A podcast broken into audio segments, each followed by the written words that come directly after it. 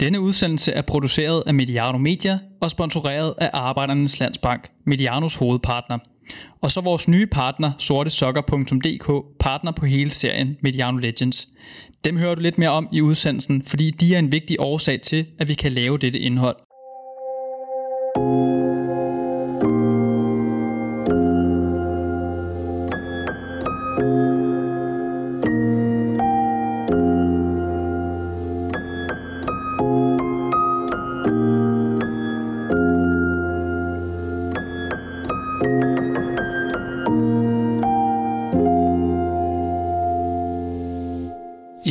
en velkendt joke, som går. 1966 var et stort år for engelsk fodbold. Der blev Eric Cantona født. Der er ofte en portion sandhed i de gode jokes. Således også i den her, tænker jeg, Eric Cantonas betydning for engelsk fodbolds udvikling er svær at overdrive, og det er noget af det, som vi kommer ind på i den her udsendelse med sikkerhed. Vi er klar med endnu et afsnit af Mediano Legends, som er programserien, hvor vi tegner portrætter af nogle af fodboldens største legender og personligheder. Og denne gang er der netop tale om en tidligere spiller, der var lige dele personlighed og lige dele fodboldspiller. Hvis man ville have den franske enfant terrible Cantona på sit hold, så skulle man tage hele pakken. Undervejs i udsendelsen, der kommer I til at støde på nogle lydklip og nogle citater fra tidligere holdkammerater fra tiden i Manchester United, som kan give en rigtig fin forståelse af, hvem Erik Cantona var og er. Mit navn er Adam Møller Gumar i studiet til at hjælpe mig med portrættet af King Eric, som jo blev Cantonas kælenavn. Der har jeg Arne Grønbæk, som er viceforstander på Idrætshøjskolen i Aarhus, øh, er underviser i fodbold, DBU-instruktør, tidligere træner og tidligere fodboldspiller i øvrigt. Velkommen til dig, Arne. Tak skal du have. Og Dan Sørensen, som er tidligere fodboldspiller, som er journalist og øh, studievært på TV MidtVest, og så Dan min tidligere kollega på det, der i dag hedder Discovery, hvor du, Dan, jo var Premier League-vært i, i sin tid også. Udover at I begge er glødende Manchester United-fans, så er I faktisk også barndomsvenner. Dan, Præcis. først og fremmest. Ja, det er korrekt. Først og fremmest velkommen til dig også. Tak skal du have. Det må jeg lige være at glemme. Hvis I, hvis I nu skal være, skal være helt uh, ærlige, nu kender I hinanden fra, fra, bar, fra barns ben, og jeg tænker, at I har spillet utrolig mange fodboldkampe øh, med og, og mod hinanden. Hvem af jer kommer tættest på at ligne Cantona på banen, og hvem kommer tættest på uden for banen?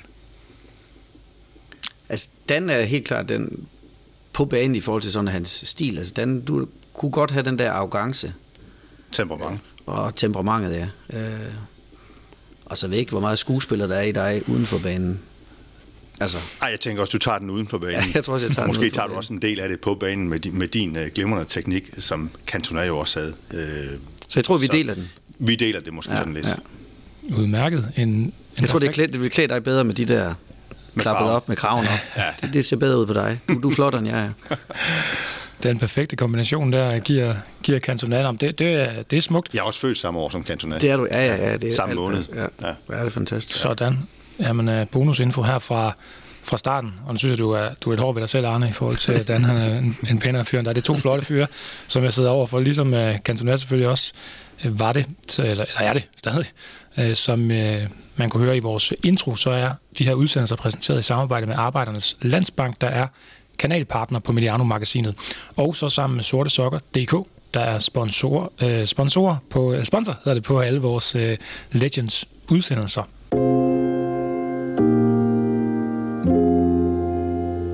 Hej, jeg hedder André og kommer fra sortesokker.dk.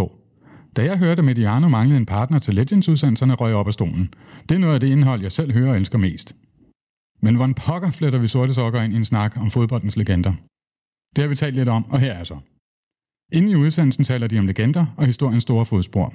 Her taler jeg om sokker, helt op til størrelse 54. Vi gør din hverdag en lille smule lettere. Hvis du kun har sorte sokker i skuffen, behøver du ikke at sortere og parre sokker efter vask. Bare smid dem i skuffen og tag to tilfældige hver morgen, og du er helt sikker på, at de matcher. Tjek det hele på sortesokker.dk.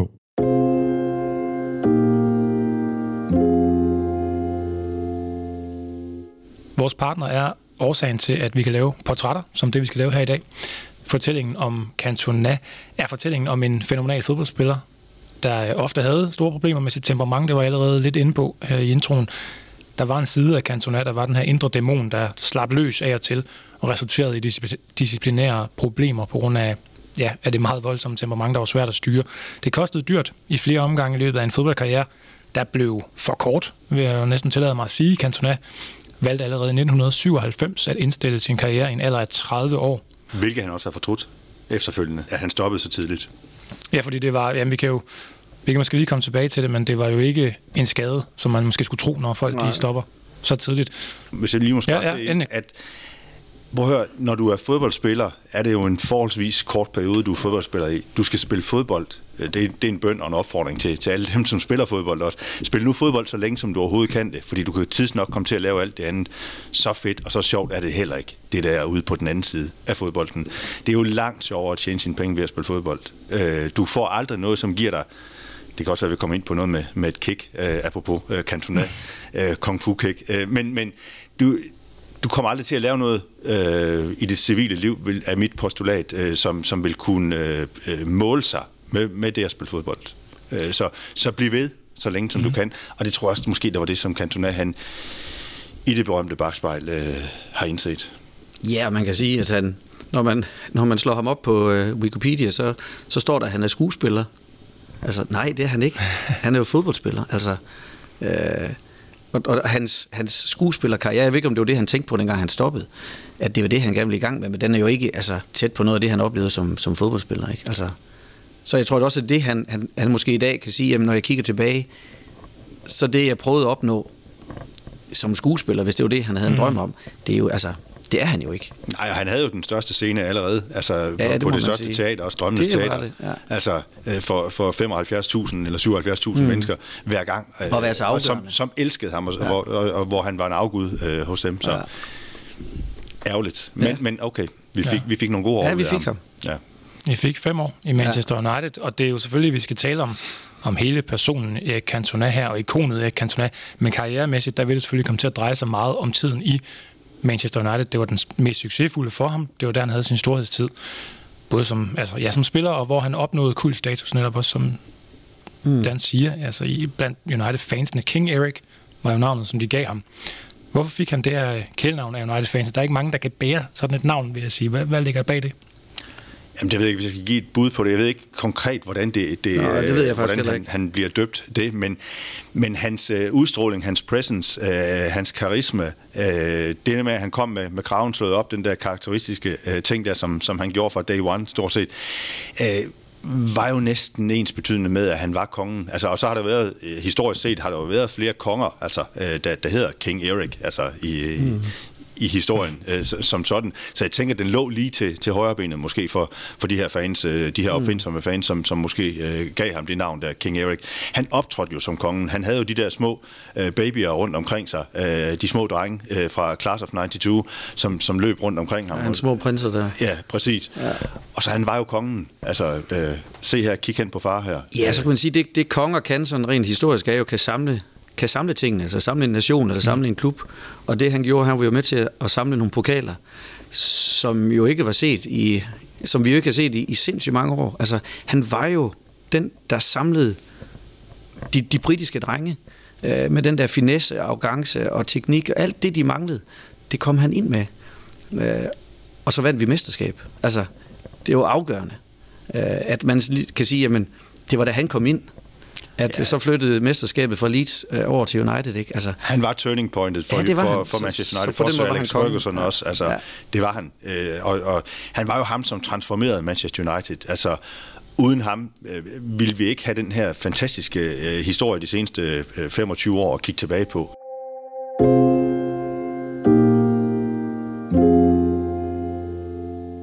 Andy Cole om Cantona. Nogen sagde, han var skør, men sådan var det ikke. Erik var bare Erik. Han var altid med, når der blev lavet sjov i omklædningsrummet. Han var god med de unge, han havde et kæmpe talent, og så var han en født vinder. Han gik ned i banen og ud på siderne og fik bolden, så det er svært at definere hans rolle. Men han kunne åbne et forsvar på et splitsekund. Når man er så god, så er man ikke begrænset af en position på banen. Han kunne det hele. Han vil altid være kongen på Old Trafford.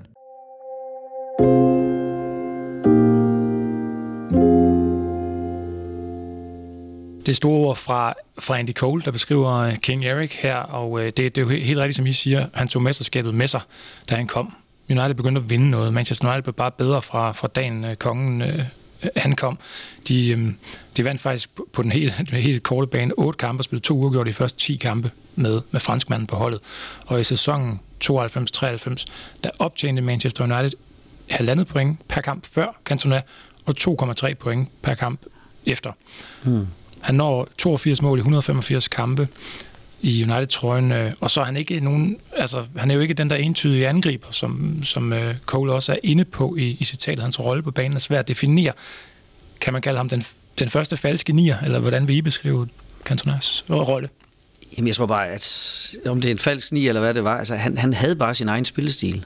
Øh, og, og, og det blev accepteret, fordi at, at det gav succes. Altså jeg tror, det, vi, nu kan vi sidde her og snakke om ham som, som King Eric, øh, men det var fordi, det lykkedes for United. Altså det lykkedes lige nøjagtigt at få the missing link ind. Altså han havde lige nøjagtigt det, der skulle til for at samle den der den britiske øh, spillestil, som, som United jo havde med de typer, som, som var United. Altså han, som om han lå på kanten, eller på, i midten, eller det var et eller andet sted ligegyldigt. Altså, øh, så for mig, om han var, han spillede både med nummer 7 og med nummer 10 i de år, han var der. Så det er jo en meget godt billede på, at han, han kunne lidt det hele offensivt.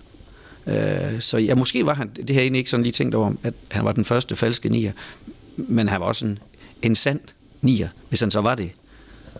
Ja, ja, fordi han havde jo også, han havde også nierens målnæse jo. Altså, det, havde det, det havde han jo også. Han var jo også... Øh, han var jo også øh, super, super målfarlig og, og, og fandt de rigtige øh, steder at stå øh, inde i boksen og så videre også. Øh, så, så på den måde, og, og så havde han jo, så var han jo når du så siger den falske ni også, ja, så, så var han jo også genial i oplæggerens rolle. Øh, det var han jo også. Det er jo utallige assist, øh, han har også har lavet, øh, hvor han lige det kan være med hælen, det kan ja, være, lige han, han til siden. chipper den med, ja. med, med ydersiden eller et eller andet, så han, han kunne det hele, synes jeg. Og han var stærk i luften. Han var stærk i luften faktisk også. Han har scoret mange hovedstødsmål. Mm. Og så tror jeg, det han kunne, som United manglede og, og, og fik med ham, at, at det han kunne tage, han kunne også tage tempoet ud, han kunne tage farten ud, så altså, det ikke bare var det der kick and rush gen, øh, som var i rigtig mange af de typer, der var omkring ham. Altså det var jo fart på kanterne, det var, det var power i midten. Så han, han, han kom med det der twist af også at tage, tage tempoet ud. Han var jo ikke hurtig, Cantona. Nej, men så, og, så kunne han, og så kunne han se, synes jeg, så kunne han se en fodboldbane, som ingen andre kunne. Han kunne se nogle, nogle ting på fodboldbanen, som ingen andre kunne. Altså han kunne se nogle åbninger, øh, som, hvor ingen andre havde tænkt sig at spille en bold derned. Det kunne han se. Øh, der var simpelthen, altså, han havde en eller anden vision, som, som var second to none, synes mm. jeg. Hvad gik det ud på det her med den oprullede krav? Jamen, jeg tror, det var, det var for at manifestere sig. Altså, for at vise, at jeg ikke øh, jeg er her. Se mig. Spil mig. Altså, det er ligesom at få sådan et spotlight på. Altså, der er en, der løber rundt derinde, der lige ser lidt mere anderledes ud end de andre. Og der var ikke, du vil ikke få nogen britter til at gøre det. Altså, det er også, der er også noget latino øh, i det. Ikke? Også, der er også noget Sydfrankrig og, øh, og noget show-off. Øh, og det var jo aldrig nogensinde gået, altså, hvis de ikke havde vundet. Altså, men det gik, fordi at han lykkedes med det. Vi, øh, vi skal tale, og vi taler jo allerede om hans tid i engelsk fodbold, og i primært Manchester United, men hvis, øh, hvis jeg lige skal, skal tage ordet for en stund og bare sådan fortælle lidt om, hvad der gik forud for, for det. Mange hans, klubskifter. Hans tid i Frankrig. mange klubskifter og problematiske situationer. Han er født i, øh, i maj måned i 1966 i Marseille i Frankrig, samme måde som dig, øh, Dan, som vi var inde på. Karrieren begyndte i hjemlandet på, øh, på Talentfabrikken i USA, hvor han spillede i øh, punktumsholdet ungdomsholdet i et par år, så får han i 83 sin professionelle debut, der er han 17 år. Så bliver fodboldkarrieren afbrudt på et tidspunkt, fordi han skal ind og aftjene sin værnepligt. Det så man jo måske mere, vil jeg sige, dengang. Det, det, det er dog meget sjældent, det sker nu. Og da han havde gjort det, så bliver han udlejet, da han kommer tilbage til Marseille til en, øh, en mindre klub, der hedder FC Martigues, der, der befinder sig i den øh, franske anden division. Der laver han fire mål i 15 kampe. Stille og roligt arbejder han sig så derefter ind på det her UCR-hold, og ender med at stå noteret for, for 23 mål i 83 kampe. Og så kommer storklubben, hans hjemby, Marseille, og køber Cantona, da han er fyldt 22.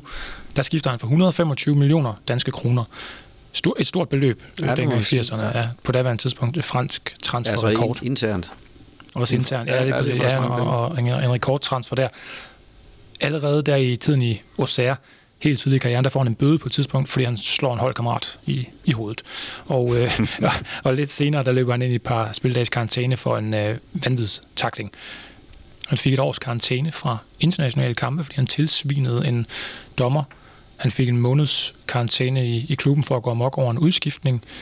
Og øh, blandt andet på grund af alle de her øh, tilbagevendende problemer, der vælger Marseille jo så at sige, at øh, først vi sender ham på leje til, til Bordeaux, og så til Montpellier bagefter, hvor han egentlig scorer pænt mål. I øh, Montpellier, der kommer han også op og slås med en holdkammerat. Der tager han øh, sin fodboldstøvle af og kaster i hovedet på holdkammeraten, så kan man også løse sådan en batalje.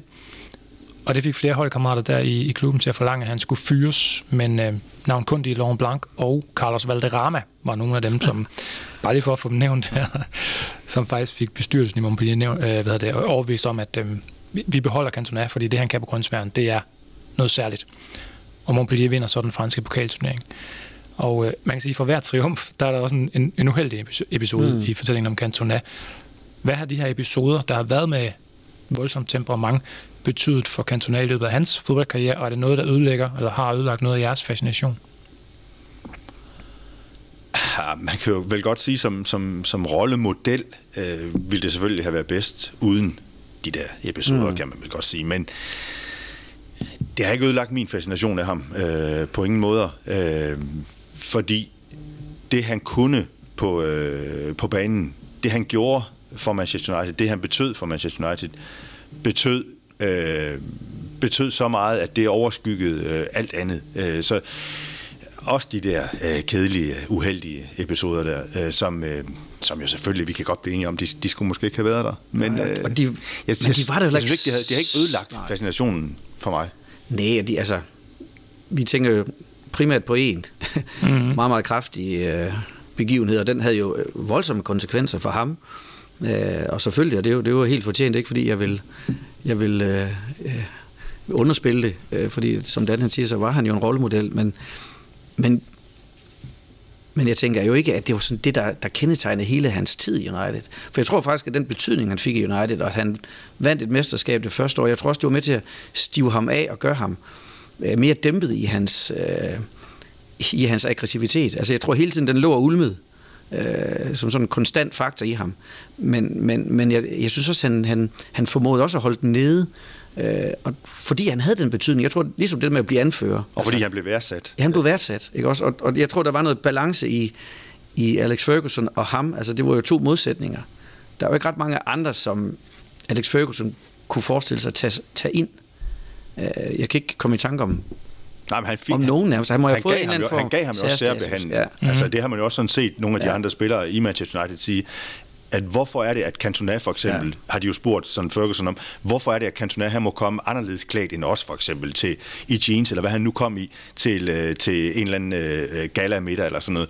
Og så, så, så Ferguson værfede dem jo af og sagde, prøv at høre, den dag I bliver lige så gode som ham, så kan I også komme ligesom I vil. Altså, øh, øh, og han, han, han var bare noget særligt, også for Ferguson, og Ferguson han gav ham en sær behandling også. Der var jo noget galt i, øh, i relationen i Leeds. Øh, det er jo derfor, at Manchester United også får øh, Cantona, fordi det er, jo, det, er jo, det er jo svineheldigt, som jeg også var inde på at sige, at vi overhovedet fik ham, fordi han var jo en fantastisk spiller, havde været med til at skaffe øh, Leeds mesterskabet mm. året forinden.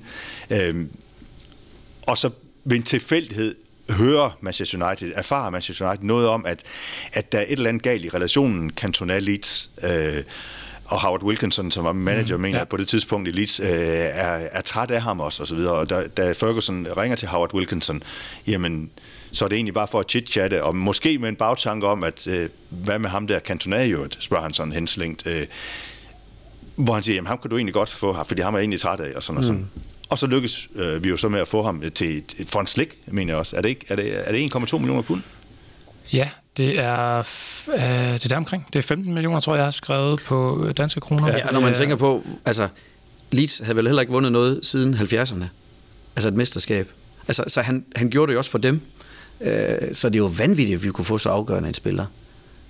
Øh, og jeg tænker, at... Men jo godt set også af, af Manchester United, kan man sige, og af, af Ferguson, og, og godt set også, og, og, og så efterfølgende give ham den her uh, særbehandling uh, på en eller anden måde. Fordi alle spillere i en, i en fodboldtrup skal ikke behandles ens. Altså, uh, jeg kan huske i, i, i min tid, da jeg spillede i Vejle Boldklub for eksempel, hvor vi havde Ole Fritsen som, som træner, hvor, hvor jeg kommer ned til, til den her Vejle Boldklub-trup uh, her, uh, hvor jeg, hvor jeg bliver holdkammerat med en Thomas Graversen, øh, eksempelvis også, som hvor, hvor Thomas jo også by far var den, var den bedste øh, af, af alle de spillere der. Man kunne jo sagtens se en ung Thomas Graversen på 20 år der, at han ville blive til noget rigtig, rigtig stort. Øh, det kunne man allerede se på det tidspunkt der. Og det kunne Ole Fritsen også.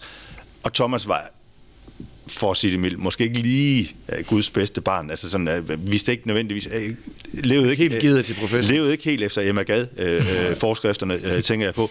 Og så, så, så Ole Fritsen gav ham jo også særbehandling. Uh, Ole, hvad det, Thomas Grausen måtte mere, end vi andre måtte. Altså han må, han må godt Men er det ikke også... stå en skævert. Han skulle ikke strække ud, når vi andre skulle sammen til en rundkreds og strække ud, for eksempel. Så løb Thomas Grausen ned på bane 2 i Vejle og hamrede på, på mål. Ikke? Uh, fordi så siger Ole, lad ham nu bare løbe dernede, fordi så, så forstyrrer han ikke os andre, mens vi strækker men, ud. Men er det ikke sådan en, så, er det ikke en gammel fortælling, måde... Dan, at, at var det Rikard Møller, der sagde, at dem de andre har problemer med, selvfølgelig har vi også problemer med dem.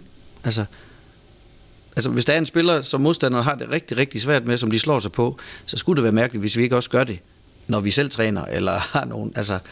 Ja, og, og, og jeg tror og, måske, og det er det, United hold, manglede. Internt på et hold, så tolererer man jo også, hvis der er en, ja. der stikker ud, fordi han er så god, som han er. Ja. Hvis nu han ikke er god, hvis han ikke kan gøre en forskel, ja, ja så tænker man også, så, ja. så, så, hvorfor skal han så og have så får du for alvor truppen imod dig, ikke også? Lige nøjagtigt. Jamen, uh, rigtig fine uh, pointer her om Cantona, og, og en sjov historie med, med Grausen, som, som er jo let overførbar til ham her øh, den franske øh, ja, enfant terrible, som jeg var inde på, øh, med, med Cantona, der allerede som, hvis nu fik I faktisk solgt ham til Leeds, øh, hvis, hvis vi øh, gør Frankrig færdig, så som I siger, en forfærdelig masse klubskifter, og det, det var der jo, fordi han var heller ikke, fandt heller ikke lykken, hverken i, øh, i Marseille eller Montpellier. Han får scoret... Er et år altså per sted. Ja, ja per klub. Altså, ja. Stort set, ja, han får scoret... Øh, ja, det, det, det passer meget godt får scoret mål for Montpellier, kommer tilbage til Marseille og får, får egentlig udviklet sig der, ligger, lidt, ligger, ligger på sit spil og bliver han også i den periode en fast bestanddel af det franske landshold. Der kunne han, øh, der kunne han heller ikke holde sin, øh, sin sti øh, ren. Han bliver, øh, ja, på landsholdet er der, er der også episoder, men i, i klubben bliver han uvenner med både øh, direktøren og med træneren. Han får lagt sig ud med rigtig mange og tålmodigheden er så efterhånden opbrugt, og, øh, og det er jo nærmest i, øh, i hele Frankrig, at man er ved at være, være træt af at høre historier om, om Cantona. Han bliver solgt til Nîmes, det blev et meget kort ophold, der øh, i en kamp i december måned 91, der tager han bolden og kaster den imod en dommer.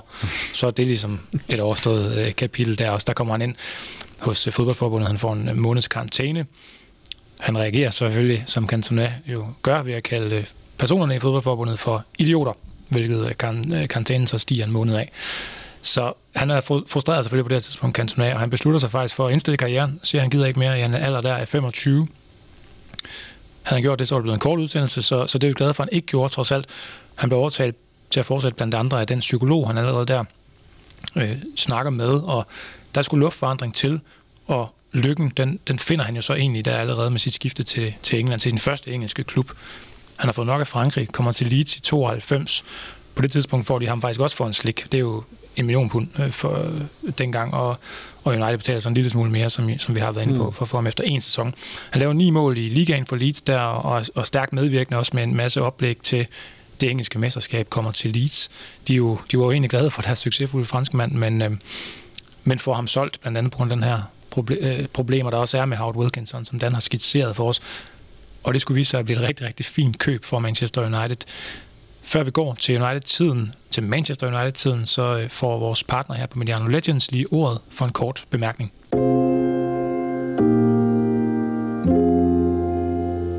Kender du sortesokker.dk? Vi har fået lov at fortælle om sortesokker.dk her i den udsendelse, fordi vi støtter Medianos indhold om fodboldens legender. Det er nemlig noget af det indhold, vi selv hører ud hos os. Budskabet er egentlig ret nemt. Hvis du kun har sorte sokker i skuffen, behøver du ikke at sortere og parre sokker efter vask. Bare smid dem i skuffen, tag to tilfældige hver morgen, og så er du helt sikker på, at de matcher. Tjek det hele på sortesokker.dk. Og hvis du skriver koden MEDIANO, får du ovenikøbet 20% rabat. Fortsat god fornøjelse med udsendelsen.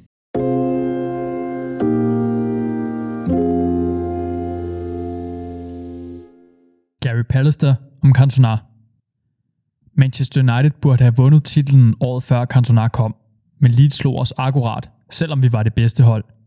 Alene det, at vi handlede Leeds, var en stor overraskelse, og at vi købte Cantona var en endnu større. Men Erik var katalysatoren for klubbens succes. Han leverede ammunitionen til alle de våben, vi havde i forvejen.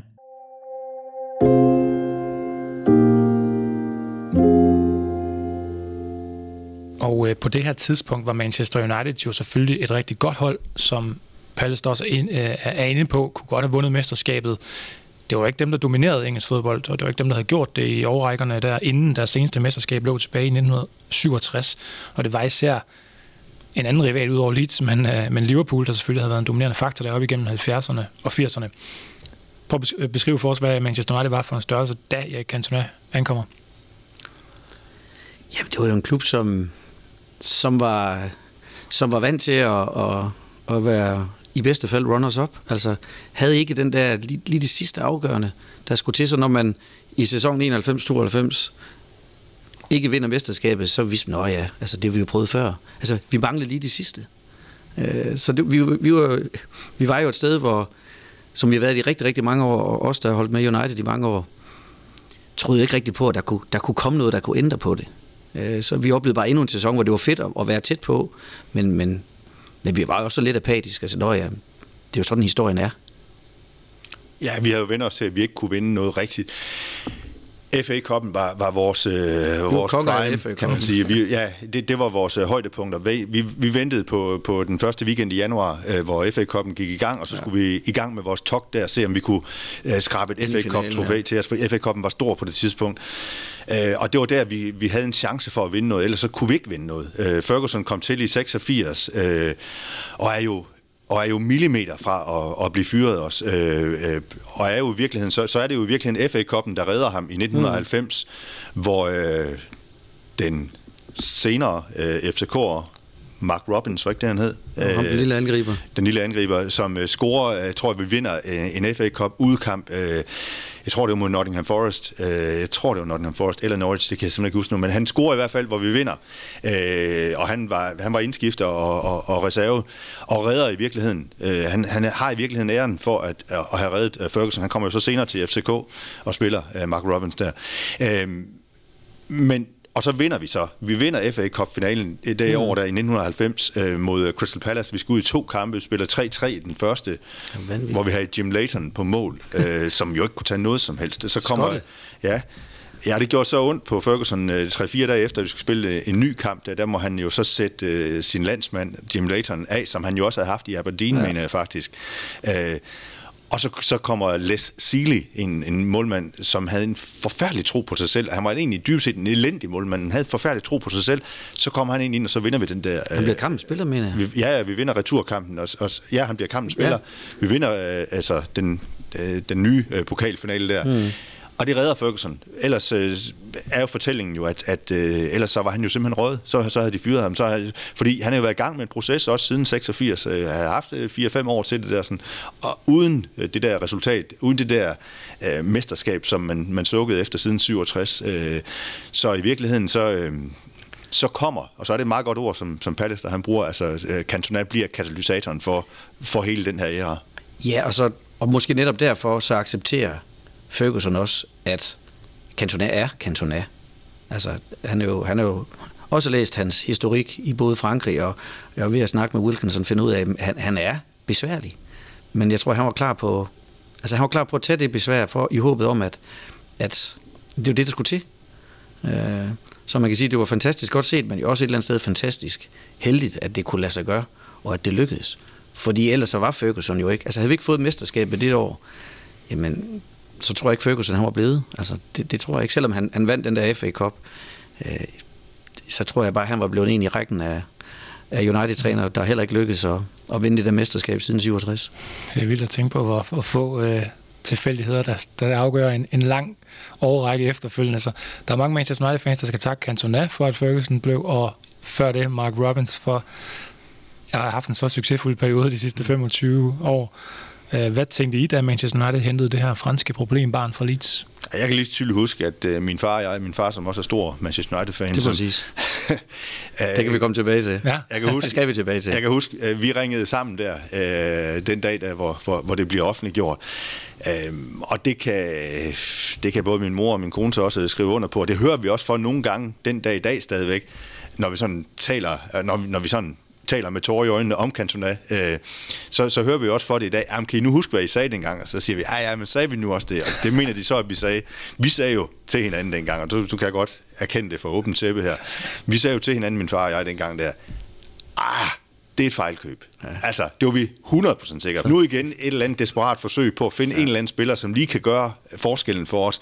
En franskmand, hvad skal vi med ham? Og så videre. Det var jo før YouTubes uh, glory days og så videre. Ikke? Altså, det var jo før internettet sådan for alvor uh, bragede igennem. Vi vidste dybest set ikke rigtigt. Hvor god han var, nej. Nej, og så udtalte vi os måske på, på et tyndt grundlag, da vi øh, siger det, det, det frygtelige, at det var måske et fejlkøb. Øh, eller det var et fejlkøb, siger Men dem har vi jo bare haft mange af. Præcis. Så hvorfor skulle vi tro andet? Altså, I gamle dage Gary Birtles ja, og altså, Peter vi har haft så mange, og så videre. Så, har så mange historier med de der angriber, der skulle komme ind nu. Så jeg troede simpelthen ikke på, at det, at det kunne være, det kunne være brækken, vi manglede. Men det var det. Ja, jeg går ud fra, at I hurtigt blev overbevist om hans evner. Med uh, Cantonas ankomst, der, der bliver Manchester United igen stille og roligt en magtfaktor. Ja, Cantona og Manchester United vinder det engelske mesterskab i fire af de fem sæsoner, som han når i klubben Cantona, og øh, kunne måske virkelig også, i virkeligheden også have vundet øh, ud af 5, hvis han havde holdt sig i, på, på dydens smalle sti hele vejen igennem. Cantona, de vinder også FA Cup'en to gange sammen. Tre Charity Shield-trofæer, som det hed. På hvilket tidspunkt af den her femårige periode, og dermed karrieren, var jeg Cantona bedst? Jamen, jeg synes, han var god i forskellige udgaver. Altså, det, det synes jeg er svært ved, at nu er det selvfølgelig også mange år siden, så det er ikke, man er ikke sådan alle hans, uh, hans kampe sådan en præsent, men, men det, at han også kommer tilbage igen efter hans karantæne, mm. og er med til at vinde et mesterskab mere, hvor han også havde, altså, man jo bare ind og læse statistikken på ham, ikke? Altså, det synes jeg var, synes jeg egentlig var fantastisk, at han kunne det. Uh, så jeg er sådan svært ved at, at jeg ved ikke, om du kan det men jeg, jeg så vil sige, at det var lignagtigt. Det, altså, vi synes jo selvfølgelig, at det var fantastisk. Det, det første år var jo fantastisk. Men det var sådan hele euforien over, at det faktisk lykkedes at gribe fat i det der mesterskab. Ja, altså, jeg, jeg, er jo, jeg er jo nok lidt forblindet af ham, forstået på den måde, at jeg synes jo bare, at han var bedst hele tiden. Ja, ja. Altså, ja. Så, Nå, jamen, det er, også, det er også der, jeg egentlig ender. Altså, jamen, hvor, hvornår var det? Var det det år, hvor han lavede det der sindssyge mål? Øh, eller, det var det jo ikke. Altså, han, han lavede noget sindssygt hele tiden. Altså, sindssygt godt mm. hele tiden. Det er jo også et, kæmpe kompliment, at de ikke kan sige, at han havde et dyk midt, midtvejs, eller han, havde, han, han blev dårligere mod slutningen, eller hvad man skal sige. Sådan en som øh, Ronaldinho kommer bare lige i tanker til mig, hvor han var virkelig god på sit bedste. Mm, og kunne holde måske et par år, ikke ja. også? Ja. Og Cantona, okay, han er der så øh, de fem år, men der er han så virkelig god. Ja, det synes jeg, han er, og hans betydning er jo virkelig, virkelig stor i alle fem år. Ja, så tror jeg også, at den betydning, han fik efterfølgende, altså, altså det, det signal, han sendte fra United af, altså den her, her kommer vi, kraven op, uh, Old Trafford, det er et sindssygt svært sted at spille, altså det var han jo med til at skabe. Han var med til at grundlægge den Han var med til at grundlægge alle de næste mesterskaber også. Og den der, mm. og den der fire faktor, som man ja. nogle gange har talt om med Manchester United, som jo så i dag desværre helt er forsvundet, men, men den var han jo med til at grundlægge, øh, hvor, hvor holdene hvor vi jo også måske dybest set får, får foræret nogle, nogle, nogle sejre på forhånd næsten mod mm. nogle modstandere, som tænker, det kan ikke lade sig gøre. Og så ligger de sig ned, dybest set. Mm. Den var han jo med til at grundlægge. Ja, det var han. Der var 13 ikke-britiske spillere på Premier Leagues åbningsdag tilbage i august 1992. Og i dag der ser vi jo så stort set samtlige trupper. Jamen der, der er engelske spillere jo faktisk dem, der er færrest af, eller britiske spillere. Så der, der er jo sket en kæmpe, kæmpe udvikling, må man bare sige, over de sidste 27 år bliver det så, øh, hvor Erik Cantona vi snakker om, at han var den første, verdens første nier. Han var i hvert fald også på en eller anden måde en... Øh, falske nier. Ja, den f- ja, ja. første falske nier, det, det er korrekt, ja. Han var på en eller anden måde også katalysator, for at bruge det ord igen, for Manchester Uniteds succes og forgangsmand for den liga, vi jo, sådan, vi jo ser i dag.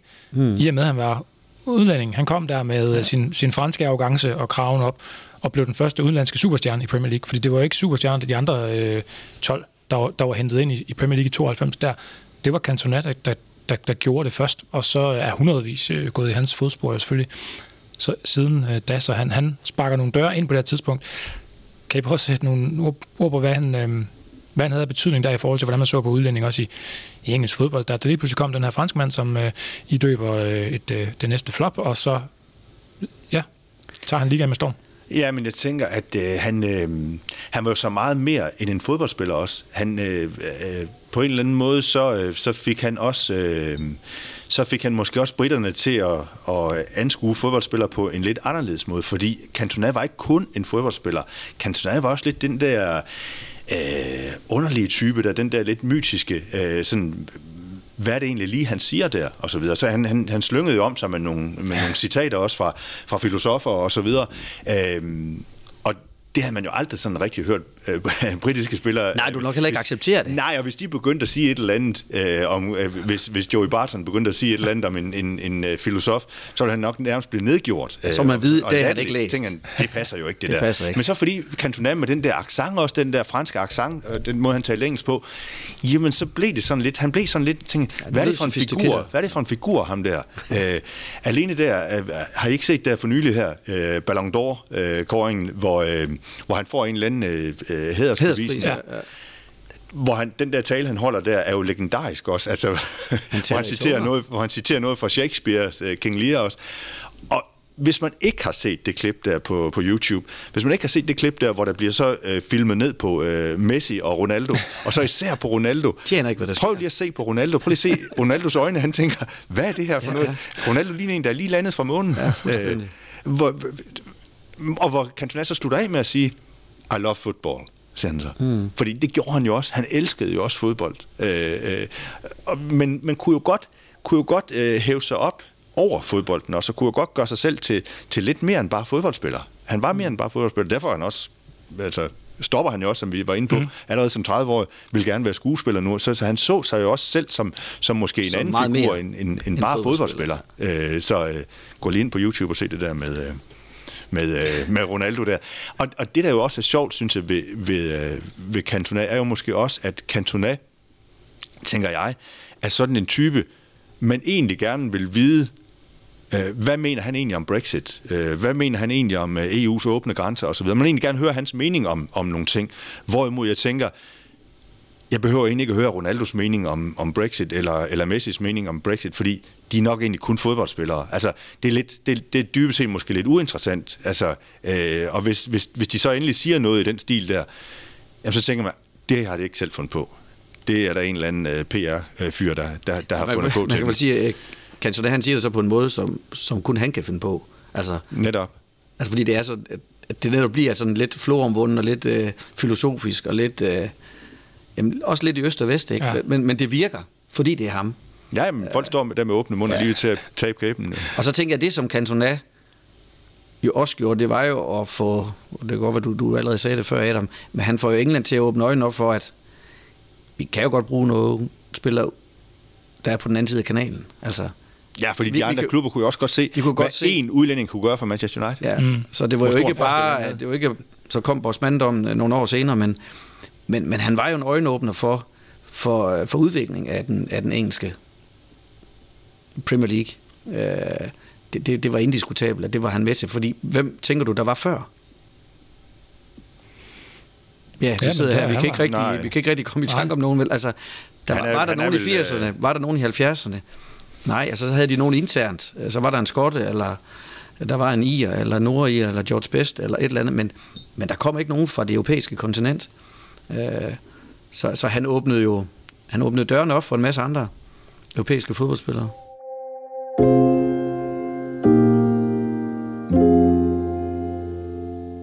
Old Scholes om Cantona. Den måde, han kom ind og trænede, var en øjenåbner for os alle. Vi var allerede ret professionelle. Men når man så en mand som Erik med så meget talent fokusere så meget på at forbedre sig via træning, så vidste vi, hvor meget vi alle måtte træne –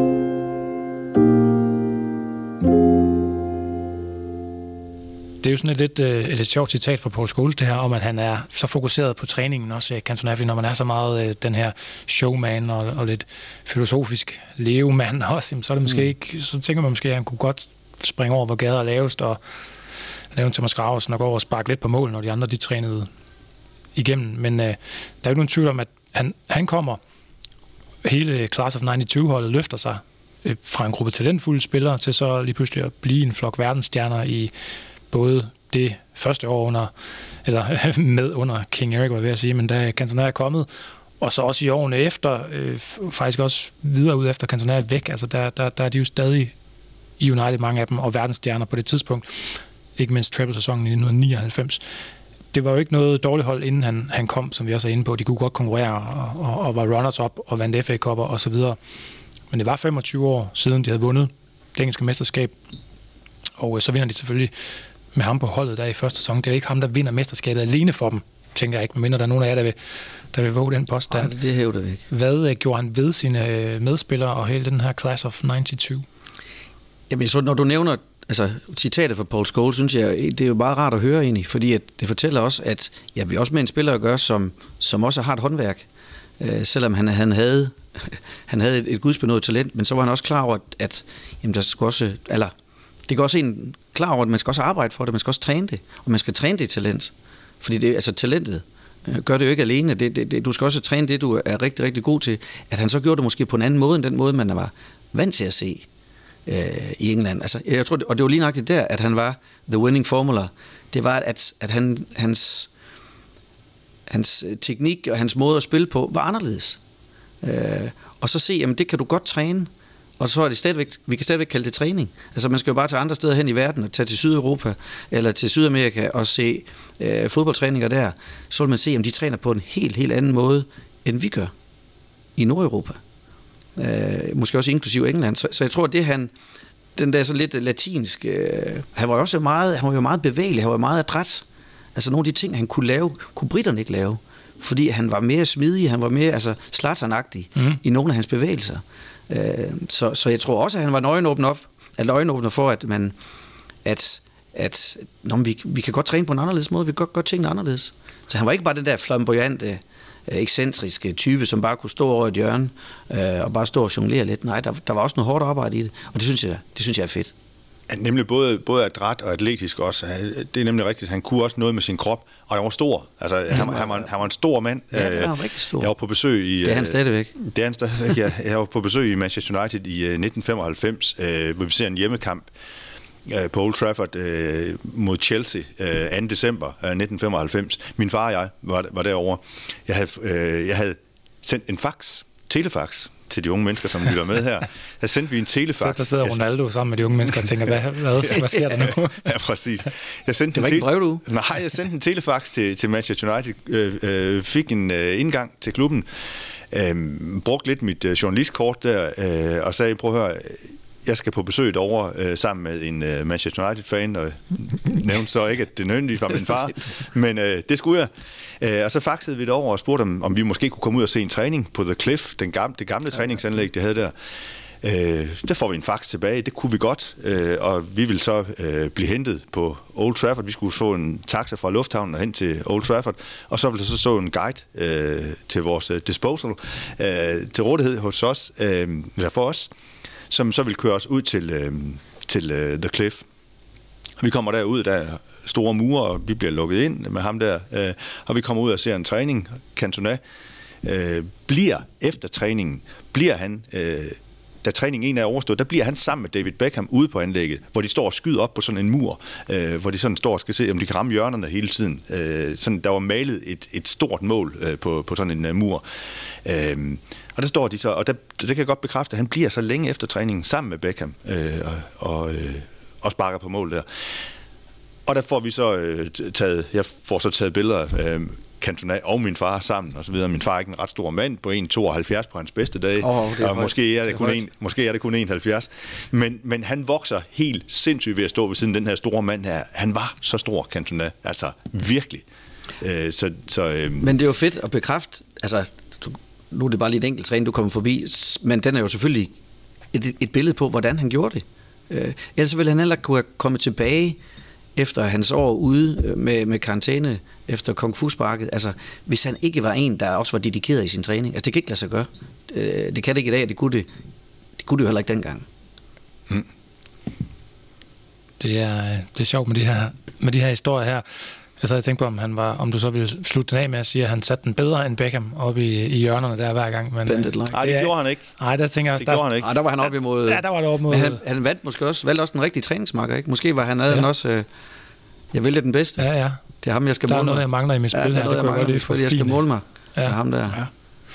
Alex Ferguson, der er de to herres manager på det her tidspunkt, øh, siger, øh, det det her med jamen, Cantonas træningsindsats, det var, det var den, der gjorde forskellen. Uh, practice makes players, som man siger den gode mm. gamle Ferguson, Sir Alex. Og uh, spillere som um, Lee Sharp, Gary Pallister, Steve Bruce og Bobby Robson, nej, Brian Robson, nogle af de gamle uh, gutter, da, da, da han bliver hentet der, de udtrykker jo faktisk lidt, lidt bekymring uh, i forhold til over for Ferguson, da han vælger at satse på, på Cantona. Han siger, Lee Sharp siger, at den her gut er skør. Hvad er det, vi laver?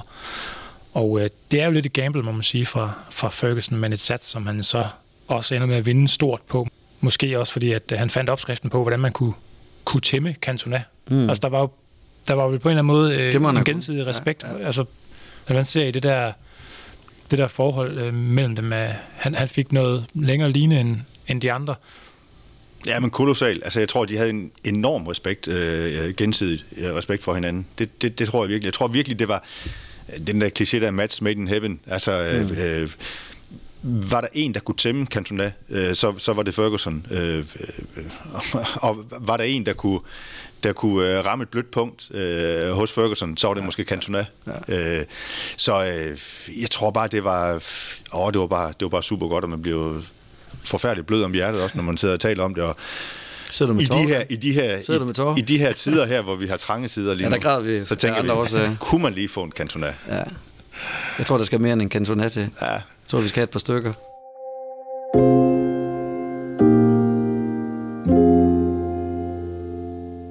Alex Ferguson om Cantona. Hvis der nogensinde var en spiller, der var skabt for Manchester United, så var det Cantona. Han skød brystet frem og holdt sit hoved højt, som om han sagde til de andre, Jeg er Cantona. Hvor store er I? Er I store nok til mig?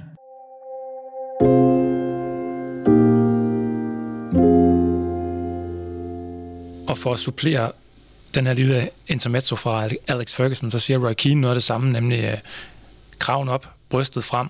Han trådte ind på arenaen, som om han ejede hele lortet. Er ordene fra altid bramfri uh, Roy Keane.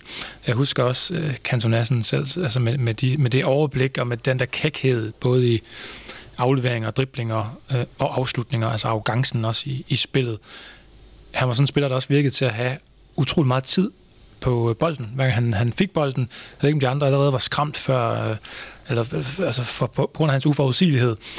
Og øh, ja, han var en, lige så meget op, oplægger som en afslutter, som jeg også har været inde på, et hav af assist. Hvad, hvad synes I, der var det mest fascinerende ved ham, som, som spiller, hvis vi kommer tilbage på banen? Jeg synes, hans øh, vision, øh, at han kunne se noget, som, som ingen andre kunne se, det tror jeg også, jeg har været inde på. Øh, og så er det rigtigt også, øh, som du siger, Adam, at, at han måske virkede som en spiller, som havde mere tid på bolden end mange andre. Øh, hans fysiske statur, hans størrelse, øh, gjorde jo også, at, at, at man kunne ikke bare lige sådan skubbe ham væk mm. heller ikke. Altså hvis han havde bolden der, der skulle godt nok meget til. Selv den der crazy gang der for, for Wimbledon, øh, de der hårde hunde med, øh, kunne jeg jo huske, jamen dem var han jo ikke bange for at spille overfor. Øh, han nød jo. Prøv, øh, når de kom hammerne ind i ham, det var han ligeglad med. Han, han, så kiggede ja, han bare han på dem, og tænkte, hvad, hvad laver du? Og så havde han en... Han viftede dem væk jo. Ja, så havde han en sublim balance også. Altså han kunne lave nogle ting, øh, fordi at han havde en, en, en, en fabelagtig god balance.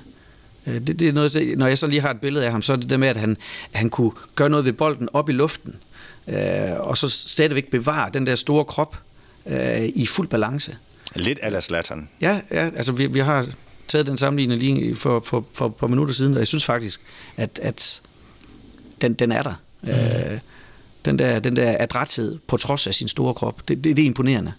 Fordi på ren fart var han, jo, var han jo let at slå, men det kompenserede han med hans timing og hans fysik og hans, og hans balance. Ja, så der er du lidt inde på, på begrænsningerne i spillet, jo så trods alt, at han var ikke nogen raket. Nej, nej, det var, nej, nej, det var nej, han ikke, men, men du kan jo tage alle de store spillere, altså de har jo alle sammen begrænsninger. Altså, Messi, vil du sige, hvor, god er hans, eller hvor godt er hans højre ben? Det, det er katastrofalt. altså mål på, på verdensniveau, men, men han har bare noget andet, der bare er, der, der er sublimt. Ikke? Altså, så det, men du kan altid finde en begrænsning mm. ved, ved en spiller, men, men det, som, der var ikke noget, der begrænsede Cantona. Altså han spillede i, i verdens hurtigste liga, på trods af, at han ikke var verdens hurtigste, måske den, ja, det ved jeg ikke, men måske, måske den langsomste spiller i Uniteds trup. Uh, Pallister, Bruce, øh, var måske lidt langsommere, men, men han var langsom. Ja, det, det ved jeg ikke. Jeg har jo ikke nogen raket. Nej, det var han ikke. ikke. Ikke i forhold til at spille den position, Nej. han gjorde. Nej. Men han var god til at bevæge sig rundt, som du også sagde tidligere, Dan. Det der med at finde positionen rundt omkring banen. Han var god til at læse hans Og vision. klog spiller jo. Ja. Helt vildt klog spiller. Hele tiden at vide, hvor han skulle løbe hen. Øh, altså, Ja, jeg tænker også, du skal også være ekstrem god, når du så skal klare dig i en liga, hvor, du, hvor, hvor meget er baseret på fart. ja, ja. Øh, i stedet for at han måske havde slået sig ned i Italien og, og, og bedre kunne bruge øh, tiden på bolden. Den, den, Ja, den blev han nødt til at tage, tage sig i Premier League. Den, den Ja. fik han ikke. Ja, der tegner sig et billede af en øh, måske verdens øh, første falske nier, måske øh, uomtvisteligt den første udenlandske superstar i Premier League, og måske øh, den første Zlatan i verden, før Zlatan selv, i forhold til det her Ja, det var Zlatan taget patent på. Ja, det vil Zlatan nok heller ikke blive glad for, Nej, at, nej. at vi siger. Jeg håber, han hører den her. Så er, den, øh, så er den noget vidt omkring den her podcast. Ja, lad os da håbe det. Erik Cantona var jo en af de rutinerede på Manchester United-holdet, der, der i 90'erne øh, vandt titlerne, som vi var inde på, og er, var omgivet af de her talenter øh, om, om, øh, fra Class of 92 om, omkring sig. De begejstrede dengang med både deres, øh, deres resultater og deres øh, spillestil. Og kun fem år i Manchester United, og alligevel betragtes han jo af mange som, øh, som en af de største i klubbens historie. Vi kunne godt have lavet den her podcast om alle hans, mange af hans holdkammerater, i stedet for, som også blev der længere end ham. Men nu skulle konkludere, at han var den største i Manchester Uniteds historie. Punktum. Det er jo en evig diskussion, men øh, hvor placerer I ham? Hvor, øh, hvor rangerer I ham, sådan, når vi snakker de allerstørste? I, i bare i United, så kan vi jo skal tage på verdens scenen. Jeg, jeg tænker, det, det, det, for mig er det, er det rigtig meget United. Altså, jeg tænker ikke Erik Cantona som sådan en, en spiller på verdensscenen. Altså, fordi United var jo heller ikke voldsomt ude i Europa. Øh, sådan for alvor de der år. Øh, Ja, det kom jo først efter. det, det, det kom først efter. Han var med til at danne dem, der han var med til at skole og, og give dem øh, hår på brystet til at, at kunne stå og vinde øh, øh, The Treble i, i 99. Men, men, men det var i England, det var United. Og der synes jeg, han er, jamen, han er blandt top 3 af de mest betydningsfulde. Vi skal jo helt tilbage Ja. ja. til, til, til 60'er-generationen, og måske endnu længere tilbage og snakke om uh, Duncan Edwards eller et eller andet United for, altså Bobby Charlton, Dennis Law, George, George Best. Best, som han deler lidt af den der sådan flamboyant, flamboyante, ekscentriske stil med, men, men, og på den måde, så havde, synes jeg jo egentlig, når man kigger på Cantonas karriere, så havde han jo en lang karriere i United. Altså det var Ja, ja, ja, med afstand, der hans karriere var. Øh, så, så, så ja, fem år, det var ikke ret meget, men når man tænker på, hvad han ellers gjorde alle de andre år, hvad han gjorde bagefter, altså han stoppede. Mm. Øh, og med alt det, han vandt, så var han, øh, så var han kæmpe, kæmpe stor i vores klub. Så han var, han var ikke en af, af verdens øh, tre eller fem bedste spillere, da han sikrede Manchester United alle de her titler midt i 90'erne. Det var ikke sådan jeres opfattelse af ham. At, altså, der lå, der lå endnu bedre spillere derude i, øh, rundt omkring i Europa. Ja, Ja, det, det, det, det, det gjorde der nok. Altså, men jeg tror, vi kiggede jo meget sådan isoleret set på England, altså, fordi det er der, vores passion er. Uh, altså, jeg, jeg har aldrig sådan været passioneret omkring nogle andre ligaer. Uh, altså, så, så, så det er sådan meget isoleret set mm. på, hvad, hvad, hvor var United hen, og hvad er det for nogle spillere, vi har haft, og, og, og vi havde på det der tidspunkt. Fordi at der fandtes jo store spillere i, op igennem 80'erne og i start 90'erne i, i Italien. Jo jo. De, Og det var de år, den tippede fra Hollænderne, af Van Basten, Ja, ja. og Ruud Gullit og så videre, ikke? Altså, Andy Breme, Klinsmann, mm. Matthäus, altså Ind og... Lige nøjagtigt. Altså, der var bare nogle store spillere øh, fra nogle andre nationer. Ja, så begyndte Barcelona og Real Madrid jo også at komme, Ja, så begyndte de at røre lidt på sig. komme op i, i slut 90'erne ja, og, ja, ja, lige nøjagtigt. og, og, og tage lidt over. De kunne nok også byde ind med nogen, øh, nogen på hans niveau Det kunne de helt på det, sikkert. på det ja. Altså, Laudrup, som jo også Ja. spillede der, spillede bare, altså, Romario, Stoichkov, altså, det var der nogle større... Formentlig, ja, men, men, Større. vil, men ville ikke have haft samme betydning for Manchester United. Det tror jeg ikke, hvis de var kommet hvis til nogle af United, dem var kommet nej, til. nej, det jeg det, var, det var lige præcis ham, Ja. som kunne gøre det der, som skulle gøres.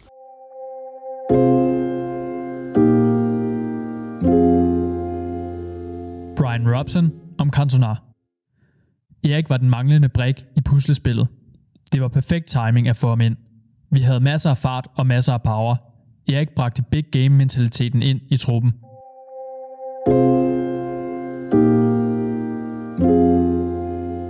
Ja, big game-mentaliteten, som Manchester United måske manglede. Det var ikke en raket, det var ikke endnu en raket på kanten, som de havde brug for. Det var, det var den manglende brik, Erik hmm. Cantona her. Er det også sådan, I husker det? Han forløste ligesom det, I havde manglet, og den, det, ja. I havde været tæt på, øh, eller Manchester United ja, men det, det året før. Ja, men det gjorde han. Det synes jeg, det er, og det, det synes jeg, vi bliver nødt til at vende tilbage til. Mm. Det, det var ham.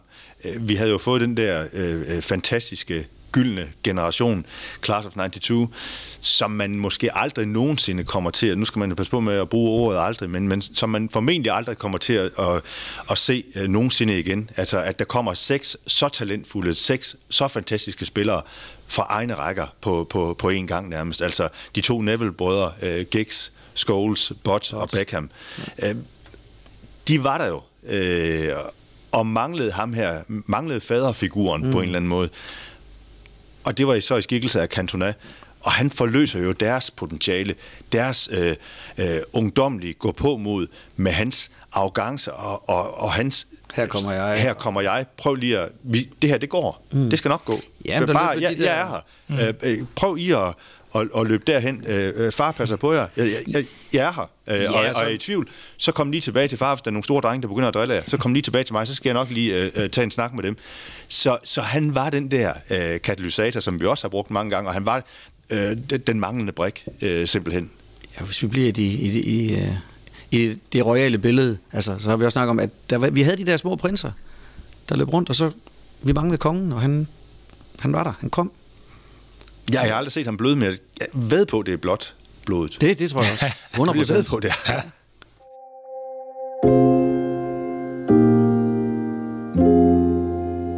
Neville with a long throw. Bruce is in there. It's come for Cantona. Yes! He's there when you need him most. This is Solskjaer to Cantona. Oh, the way he brought that down was fabulous. Cantona. Oh! Magnificent. Cantona. How to create space and then weave past a couple of defenders. McClare, here's Cantona. He's done it.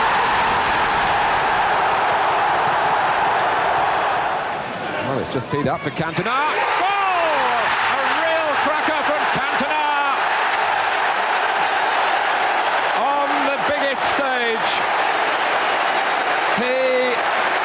The master performer.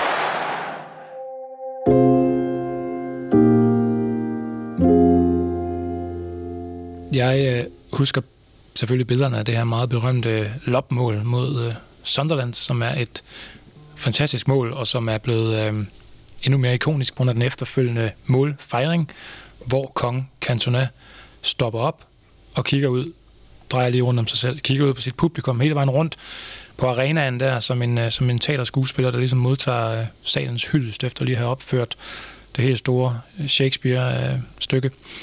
Kan I huske, hvordan... jeg- I kan garanteret godt huske øh, det mål. Kan I huske, hvor I var, da han scorede det mål? Jeg lå formentlig på, øh, på gulvet øh, hjemme i stuen og så øh, kampen, og så, så lå jeg i en fastlåst stilling, selvom vi var foran 4-0 på det tidspunkt, mener jeg. Så har jeg altså altid haft en tro på, at hvis jeg bevæger mig, så, øh, så sker der et eller andet, så sker der et eller andet dårligt i kampen. Så jeg, jeg lå formentlig den samme fastlåste øh, position. Det Jeg, jeg kan måde ikke huske, men, men der, Jeg har nogle gange også vi er jo rigtig mange dogmer om det her, Dan og mig, altså, hvor, hvor man må stå hen, og hvor man må sidde. Når man var i dans hjem, så en af de første gange, jeg kom sådan i dans hjem første gang, sådan i, i midt-80'erne, da vi begyndte at, at spille fodbold sammen, jeg, sådan en gang, der gik en, en United-kamp øh, i gang. Der var ikke så mange, der var i fjern. Det var en FA Cup-finale. Øh, Jeg tror, det var 85 øh, mod Everton. Der skulle vi stå bestemte steder i stuen, og Dans mor, hun skulle stå ude i køkkenet, og hun var helt indskrevet i det der skuespil. Så, så Og hvis der er nogen, der hører det, så har jeg en lidelse. Ja.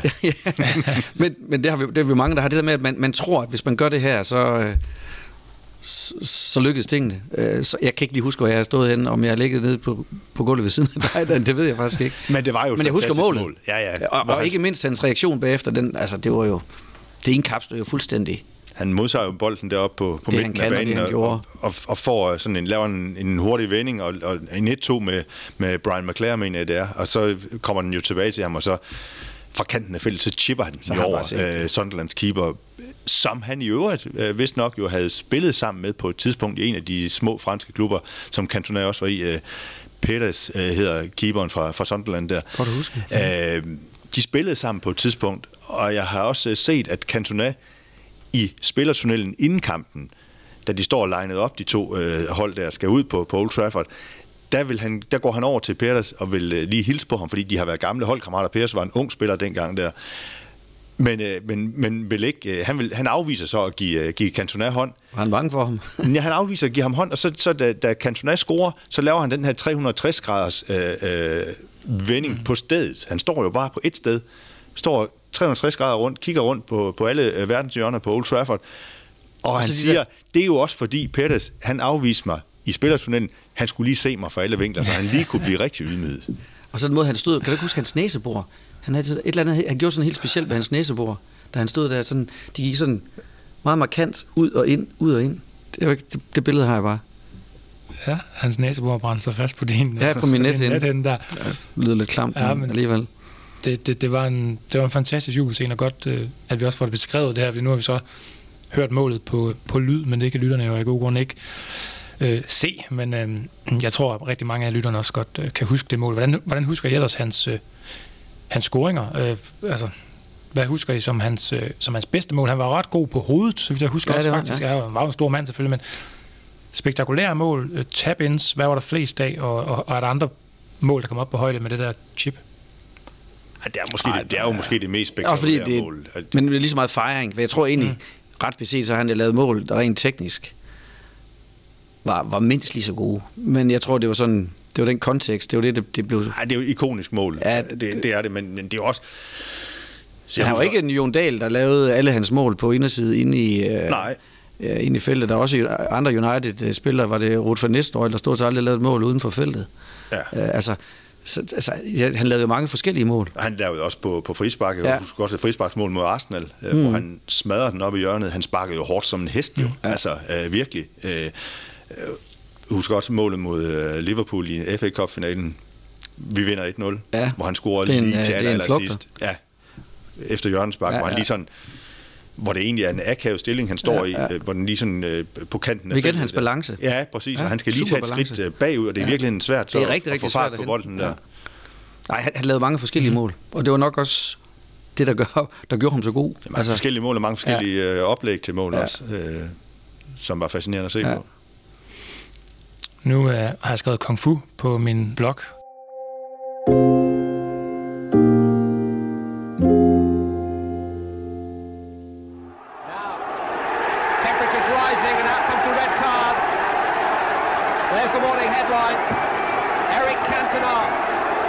For the fifth time in his Manchester United career, Eric Cantona is sent off.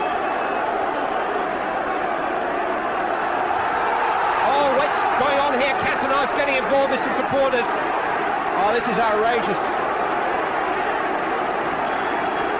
No, it's all got wildly out of hand, and once more, Eric Cantona is the man at the centre of a dramatic controversy.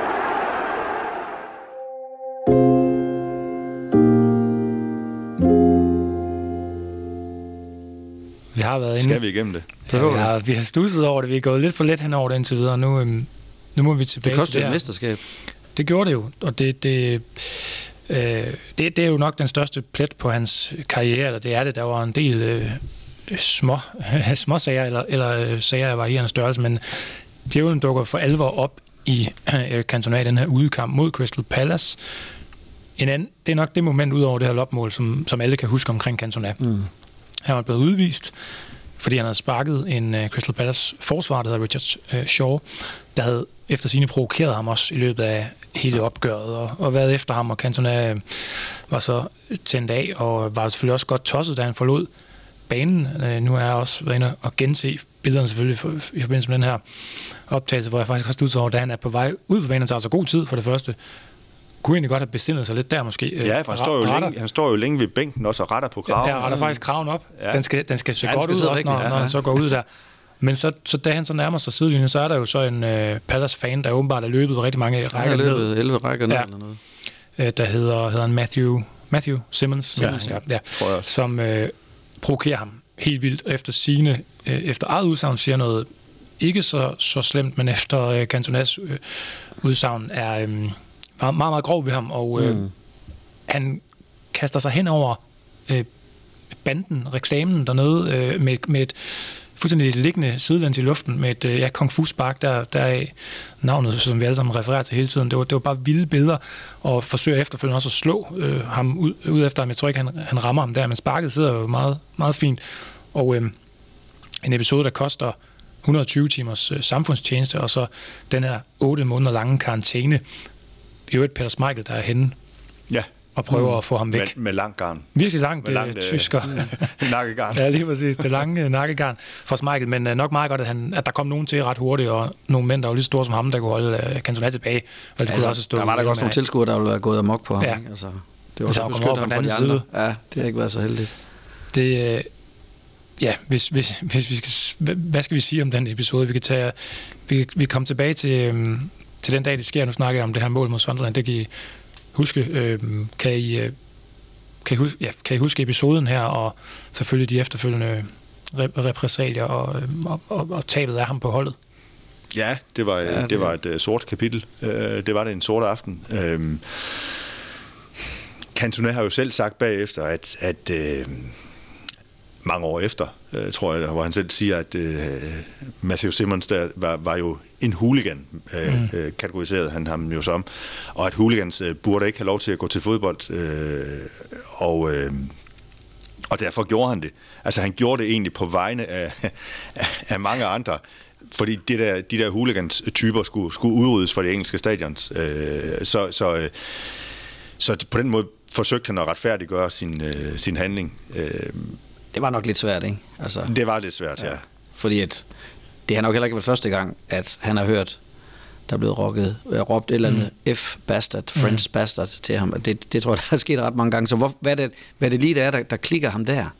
Øh, det, det, det, det, det ved jeg ikke, det tror jeg heller ikke, han selv ved. Altså, jeg tror, det er jo derfor, han først kan sige det mange år efter, sådan en retroperspektiv kan sige, ja, men det var fordi, jeg gerne vil manifestere, at de der hooligans, de skal ikke have lov til at være der og råbe de ting, de gør. Altså, det er jo en del af, Men det var jo et chok den aften der også. Altså sådan, der, var, der var jo også chokbølger igennem mig, igennem, tror jeg, alle United-fans også. Altså, som, For vi har jo ikke set det, hans temperament. Nej, det havde vi nemlig ikke, for det var jo Vi egentlig... vidste godt, det var der. Jo, jo.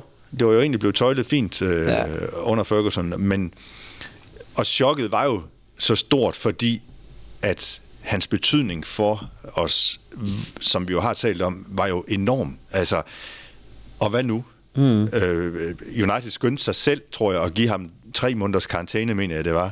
Og så kommer fodboldforbundet ind efterfølgende og overtrumfer med, med, øh, med otte måneders mm. karantæne. Øh, Så de kunne jo også godt selv se, at det var helt galt det her. Så nu skynder vi os at statuere et eksempel. Mm. Øhm, Og, er han egentlig ikke også fængslet eller på vej til at blive fængslet? Nej, han får det der samfundstjeneste, ikke? Ja, men den tror de får, ja, men jeg tror, han er på vej til det, så får de det omstødt til samfundstjeneste. Faktisk som fodboldtræner Ja, i Ja. United. ja. Det var altså, en, en, ja, det, er det, det, er det, hans, det er det, hans straf er. Ja, ja, ja. Det er det, forholdsvis han bliver børnetræner. billig Ja, det må man løsning, sige. ko- kontra fængselsophold.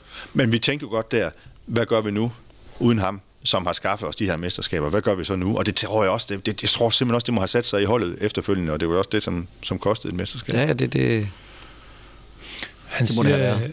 et, et citat, jeg læste om det, det må så have været før han sådan får, får sig tænkt yderligere om og sat det ind i hele den her ja, fortælling, narrativet om, at det er huliganismen, han er til, til kamp imod. Men der siger han, jamen folk siger tit grimme ting, og her der havde jeg bare lyst til at sparke ham der. Jeg er ikke nogen rollemodel. Det, det er også det udtryk, han bruger der.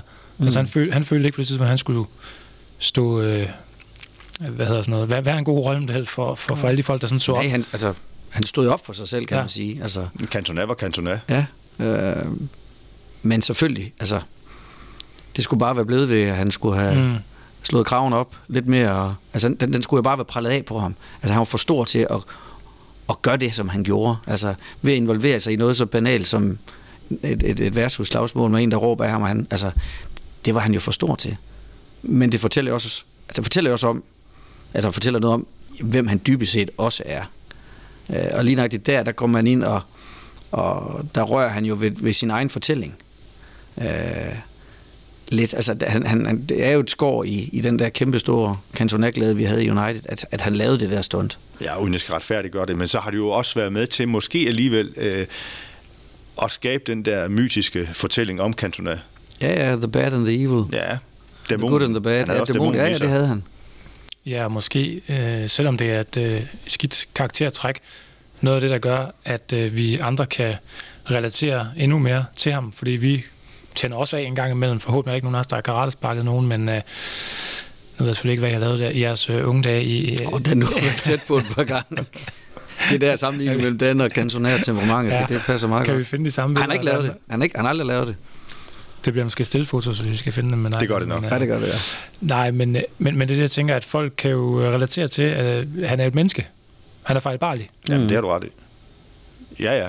Ja, ja. Han viser jo også... Altså, det er du fuldstændig ret i. Og, øh, jeg tror ikke, at... Tror du, Dan, at der var... Altså, vi var selvfølgelig kede af det, og, og vi var for, altså, virkelig, virkelig rystet over, at, at det skete. Men jeg tænker ikke, at der sådan var vanvittigt mange United-fans, der vendte ham ryggen. Nej. På det. Altså, mm. Nej, der, der var vi, han... vi, vi, var klar til at tilgive. Ja, vi var klar til at tilgive, og, vi, og et eller andet sted... Så... Selvom vi ikke... Altså, vi skal godt stå det fast. Vi hylder ikke, at, at han Bestemt gjorde det, ikke. men, men uh, vi var klar til at tilgive. Ja. Nej, lige præcis. Det, det retfærdiggør selvfølgelig ingen, på ingen måde, På ingen at, måde, at man skal tænde af, at der er nogen, der provokerer ham. Og det, vi ser det jo også i dag, bare lige for at sidde og tænke over, at der er alle de her racisme-sager med folk, øh, spillere, der hører virkelig ubehagelige ting ja. ude fra mm. lægterne. Der kunne man godt forestille sig, at nogle af dem øh, ville øh, gå, gå amok øh, over sådan nogle ting, der ville blive rasende, hvis det var ja. mig selv, men hvor at, vi har jo set så øh, Moise Kane i Juventus, der stillede mm. sig ud og slog armene ud og tog, tog imod. Øh, eller sådan ligesom for at vise, at jeg, jeg er større end det der. Mm. Det, han, han skulle måske nok have taklet. Han skulle have taklet det anderledes. Ja. Cantona her. Uh, Graham Kelly var formand for FA på det tidspunkt, han kalder Cantona en skamplet på fodboldspillet. Efter den her episode selvfølgelig. Synes I, han slipper billigt med, med det her øh, lille år ude og, og noget samfundstjeneste, så, som så er i klubben? Nej, det ved jeg ikke, om han slipper billigt. Jeg tænker, hvis, hvis vi kigger jeg, på det... Dengang, som... dengang synes jeg jo, at det var, det var en voldsom straf, altså otte måneder, fordi det var også det var med mit United hjerte og så videre også, jeg så det, og sådan, der synes jeg måske otte måneder, det var okay. Det, det, det var vildt. Øh, man skal også huske, at han bliver provokeret og så videre, så ved jeg godt, at han skulle have været for stor til at reagere på det og så videre. Og han er professionel og, og rollemodel og alt Lige nøjagtigt. Men øh, jeg synes ikke, han slipper billigt. Nej, hvad kan vi sige? Hvad, og, og jeg, hvis, jeg, jeg, jeg, vil ikke gøre mig til dommer over, om det er en retfærdig straf. Eller men, hvad, hvad hvis det havde været nede i gågaden i Lemvi? Altså, ja. hvor der var en, der havde lavet sådan et karatespark. Hvad, hvad havde det givet? Øh, altså, jeg tror ikke, det har givet så meget. Nej, så du, så du tænker, altså, det er en halv, ja, halvhård straf? Sådan altså, jeg tænker, det er i hvert fald en hård straf. Og, og så kan man, ja, hvis man sådan kigger på det i forhold til sådan almindelig retspraksis. Mm. Men jeg synes jo egentlig, det er okay, at den bliver rigtig, rigtig hård, fordi der er det element af at være rollemodel. Altså det, det, det køber man også ind på som professionel fodboldspiller. Det, det er også det, han lever af, når han kan stå på Old Trafford og dreje 360 grader rundt og se her mig. Nu har jeg lige slået øh, det sidste søm i ligekisten på, på, på modstanderne. Altså ligesom en gladiator, der står inde midt i arenaen. Altså den rolle der, den, den, den må man være så bevidst. Øh, og så må konsekvensen også være derefter, øh, hvis man ikke er det. Ja. Øh, jeg tænker også, der ligger, det, det billige er, det her, eller er jo det her med, at han kan, han kan komme tilbage. Han får jo faktisk en chance mere. Det er ikke, nu har du lavet det her, så er du færdig. Der er både noget tilgivelse fra fansene og fra klubbens side.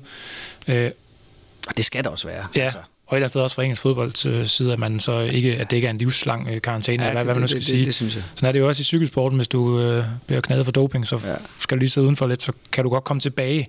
Og igen der, hvis ikke, hvis ikke de havde haft en relation, tror jeg, Ferguson og Cantona. Så var han røget. Så, så, ja, ja, så var han nok røget, men ja. så tror jeg måske også, han godt kunne finde på at stoppe med at spille fodbold der. Selv, mm. altså, øh, men jeg tror også, at Ferguson har en betydning for, at han at han finder motivation i at komme tilbage, og, og finder motivation i at sige, nu har I mig tilbage. Skal vi så komme videre, drenge? Mm. Øh, ja, og, og jeg tror også, der var historier om der, at, at, at han overvejede, om han skulle indstille. Så Ferguson mm. nok har haft, de har nok haft mange øh, dialoger på... Men selvfølgelig er det miskredit af hans rolle og miskredit af spillet, men det findes der jo talrige eksempler på. Altså, mm. Suarez, der bider Cellini, mm. altså, altså, som også får en kæmpe karantæne, ikke? Altså, men, og det er jo selvfølgelig en skamplet, der sidder på ham, ligesom det, den skamplet, der sidder på, på, på Cantona, men, men jeg synes også, det er et element i det, at, at, at tilgivelse er i orden. Altså, det var ikke, han skal jo ikke gå rundt med, med sådan en skyld resten af sit liv, der skulle gøre, at det kostede hans, resten af hans karriere. Jeg synes, det var flot, at han, at han kom tilbage, altså, og det havde han fortjent.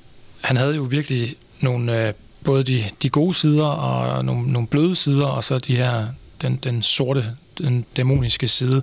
Og øh, nu skal det selvfølgelig ikke være negativt, det, det som vi sådan øh, får beskrevet om ham som øh, person, fordi han var jo udover temperamentsfuld, også øh, meget øh, charmerende, og altså en, sådan en, en for at bruge et godt engelsk udtryk, en likable øh, karakter. Der er flere af de her holdkammerater også fra, fra tiden, der, der beskriver hans humor. Roy Keane har fortalt en fin historie om, at Cantona vinder 16.000 pund rent faktisk ved en lodtrækning mellem nogle af spillerne, hvor de smider et, et lod i puljen, øh, og så, så trækker de bare lod om deres, deres løncheck, ikke? og så øh, vinder Cantona tilfældigvis, og han deler så pengene i to og giver dem til Paul Scholes og til Nicky Butt, fordi at øh, de havde øh, mod nok til at smide penge i den her pulje, selvom de var unge og ikke fik det samme i løn og egentlig ikke havde råd til det på det tidspunkt. De var sådan i begyndelsen af deres karriere. Ja. Og det skaber respekt hos Roy Keane, der fortæller den her historie, fordi jeg, der tænker han jo, okay, det var noget af en, af en gestus, og siger, at det var der ikke nogen andre end Cantona, der havde udvist.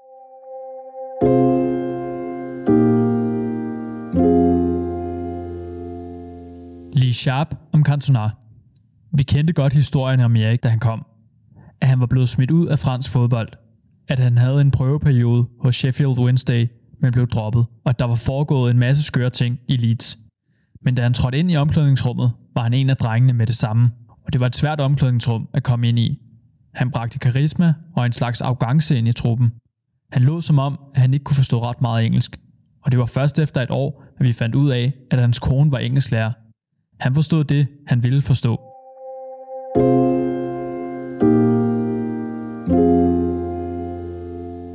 Man kan godt forestille sig, hvor hyggelig en karakter Cantona også er, øh, der var, da, når han var i omklædningsrummet ud for det, der bliver sagt her.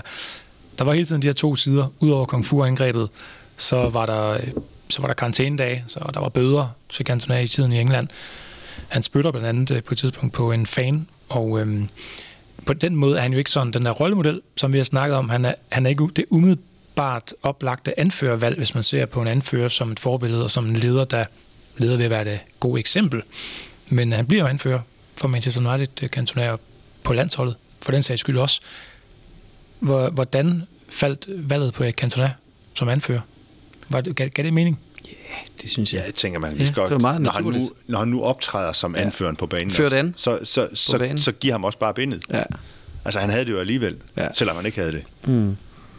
Og så tror jeg, at nogle af de beskrivelser af ham som en, en type i omklædningsrummet, jo også en, der, der fortæller, at han, han løste noget op i, i det omklædningsrum. Altså han, han forløste noget, også noget mentalt, øh, og noget, der var lidt, øh, lidt mere kreativt. Altså fordi, at han, han i hvert fald godt kunne lide at optræde, optræde sådan offentligt som en, der, der kunne omgive sig med noget, der var kreativt og filosofisk og anderledes. Øh, øh, så jeg tror også, at han, han var med til at løsne op, ikke bare inde på banen, men også uden for banen. Så, så en fin anførtype, tænker jeg egentlig. Ja, en, en, altså en, en lederskikkelse, som vi jo sukker efter den dag i dag også. Mm. Altså. Ja. Så var det også forholdsvis vigtigt for anføreren at kunne tale engelsk. Øh, så det var nok meget godt, at han, han havde lært... få nogle engelsk timer derhjemme. Ja, han kunne få de der engelsk timer. Ja. Og øh, anførerbindet på det franske landshold, det fik han jo faktisk frataget efter Kung Fu-episoden, så det var endnu en af, en af de straffer, ja. konsekvenser, der fulgte efter der. Øh, med mange af vores legender i de her udsendelser, der tager vi jo sådan en helt særskilt del af snakken om deres enorme succes, hvor det handler om landsholdet også. Men øh, lidt atypisk, så behøver vores snak jo om øh, kantonær Frankrig ikke at være så lang. Han debuterede for landsholdet i august 1987 og spillede derpå frem til 1995.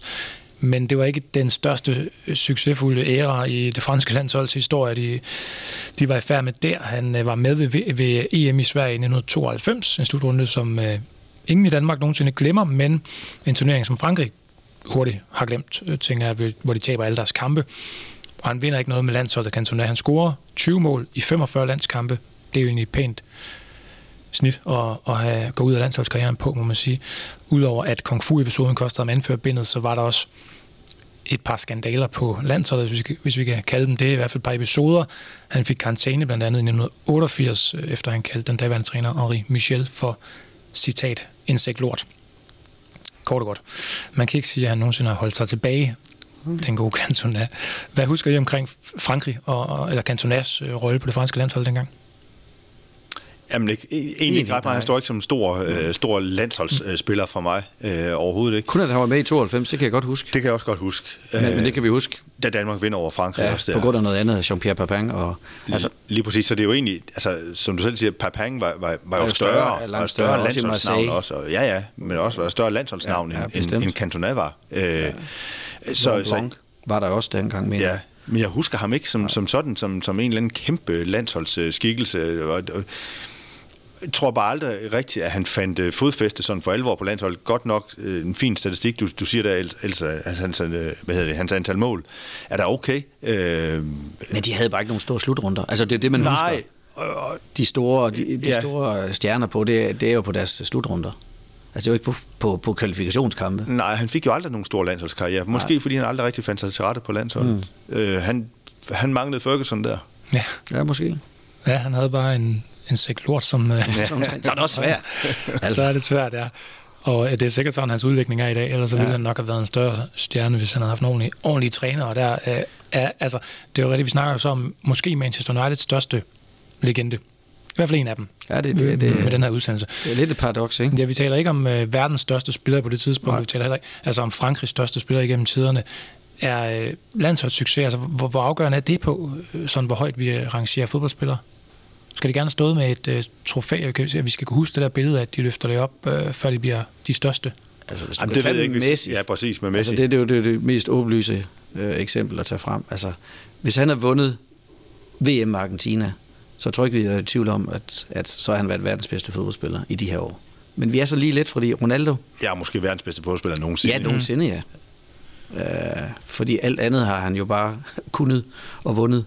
Øh, men han mangler måske lige nøjagtigt det der, og det, ved jeg faktisk ikke, hvor, om jeg synes, at det er retfærdigt. Ja, den udligner Ronaldo så lidt på, fordi han har noget Ja, landsholdssucces. han har bare noget landsholdssucces og en- og en EM-titel, og øh, Ja, den fik Cantona ikke. Og så igen, det der med at kunne klare sig i en, den måske hurtigste liga i verden, på trods af, at man ikke er hurtig, og kunne skrive sig ind i historiebøgerne som en kæmpe legende, på trods af, at man ikke har noget at vise frem fra landsholdet. mm. Det fortæller også en historie om Manchester United, altså mm. om, om Cantona i United. Mm. Og så bare lige for at komme tilbage til den med, nu er det ikke øh, Ronaldo-Messi-diskussion, vi har, men Ronaldo har jo gjort det, han har trods alt transformeret sig fra den britiske liga, eller den engelske liga til Spanien, og så måske er han på vej til at, at også vinde øh, Champions League i Juventus, han har i hvert fald vundet mesterskabet. Så, så på den måde, det, der, mangler vi måske at se Messi et andet sted, øh, lige for at tage den op. Mm.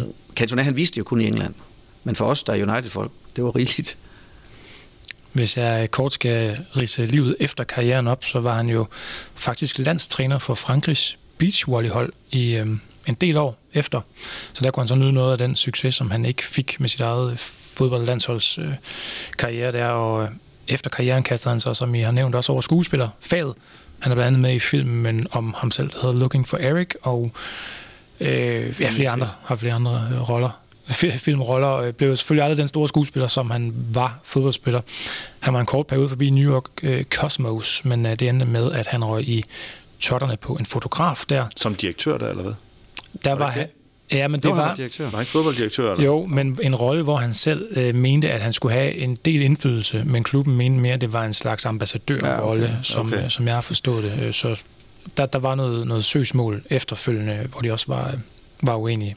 Så det, det blev et kort vej, og, og, og så har han jo aldrig været bange for også at lufte ja, politiske holdninger. I var inde på det her, men man vil også gerne lytte til, hvad han havde, hvilken holdning har han til Brexit, og hvilken altså, holdning har han generelt til, til mange samfunds øh, øh, emner. Og øh, ja, han forsøgte i 2012 at samle underskrifter nok til at kunne stille op til præsidentvalget i Frankrig. Det var sådan det, det sidste, han lige manglede. Kom hjem og blive præsident også. Men de har heller ikke noget monarki, så han blev nødt til at blive præsident jo. Præcis, ja. han kunne ikke komme hjem og få den Nej, officielle han kunne ikke få, trone. han kunne ikke få kongetitlen. Og øh, i dag er han 53. Han øh, modtog netop en ærespris fra, fra UEFA. Jeg tror, det var den, du var inde på. Ja. Øh, ja den, der hed President's Award. Hvor øh, det var bare lige for at få de ord, han fik med den øh, pris med. Der, der siger de, prisen anerkender ikke blot hans karriere som spiller på højeste niveau, men ærer ham også for at være den person, han er. En mand, der står op for sine værdier, og som åbner op om de gode formål, han støtter og tror på. Øh, Vi har jo tidligere lavet en udsendelse om øh, Diego Maradona, der har haft umådeligt svært ved, må man sige, at få livet til at hænge sammen, også efter karrieren hvad med øh, Cantona og hans færd efter fodbolden? Sådan, hvordan øh, synes I, at han har gebærdet sig, efter han trådte, efter han abdicerede? Optræder han stadig som øh, King Eric, eller er det sådan... Er det meget jeg, jeg, jeg, synes, det er meget, jeg synes, det er, det er jo meget anderledes. Altså, hvor mange, hvor mange eks-fodboldspillere øh, bliver lige pludselig landstræner i beachvolley? Var det beachvolley, var det ikke beachfodbold? Eller hvad? Jo, fik Nå, jeg sagt beachvolley? Jeg synes, ja. det er beachvolley. Ja, det var beach... Det var, jeg sad og kiggede over på dig, da. Ja, jeg Nå, ja, ja, jeg fik garanteret sagt beachvolley. Strandfodbold. Ja. ja. Helt rigtigt. Men, men om ikke andet, altså, det der med, han, han, han kan se, at han er alsidig. Altså, og på den måde synes jeg, at han er, han er spændende. Også efter sin karriere, at han ikke bare har tænkt, at jeg skal være endnu en af de eks-fodboldspillere, der kun kan se sig selv være den næste træner. Øh, det, altså, det, jeg synes, det fortæller noget om ham. Øh, at, at, han, at han rummer noget, som, som sådan en, hvis man kan tillade sig at sige det, en gennemsnitlig fodboldspiller ikke rummer. Ja, og, og King Erik er jo sig selv, synes jeg også. Altså, øh, Cantona er Cantona. Mm. Øh, og, øh, altså bare den der Ballon d'Or-kåring øh, der, hvor, hvor han... Øh, altså alle sammen kommer jo i, i deres fineste gala øh, tøj, ikke? Han kommer i et par, par slidte jeans og en øh, rød polo og sådan, øh, sådan en sixpence, ligesom United, sixpence øh, kasket der. Ja. Og så står han og lige det der øh, Shakespeare-citat af. Øh, der er han også bare sig selv. Altså, øh, han, er ikke, han er ikke bange for at træde ved siden af? Overhovedet ikke. Og modsat Maradona, så har han jo ikke øh, taget noget fra sin spillerkarriere efterfølgende ved at øh, ja, komme galt afsted, sådan med et eller andet helt vanvittigt. Nej, kan man sige, jeg, jeg synes jo, nu har vi snakket et par gange om, at og det var ærgerligt, at han stoppede alle som, allerede som 30-årig, og han har selv udtalt, at han, han skulle måske have taget et par år mere, men, men det, det, der står tilbage, det er jo noget, der er fantastisk. Altså, jeg kan faktisk godt lide den der følelse af, at folk de stopper, når de, når de er på toppen. Altså, når det er det, det, er det vi husker.